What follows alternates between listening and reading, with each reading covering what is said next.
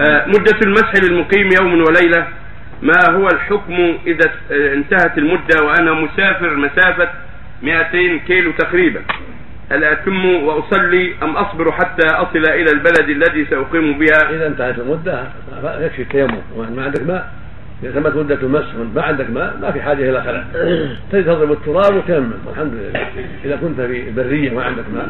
أما إذا كان عندك ماء فاخلع اخلع اذا تمت المده وتوضأ واغسل رجليك وأما إذا كنت في السفر ولا عندك ماء فالصواب عند أهل العلم أنه لا حاجة إلى خلعها لأنها لا تمسح.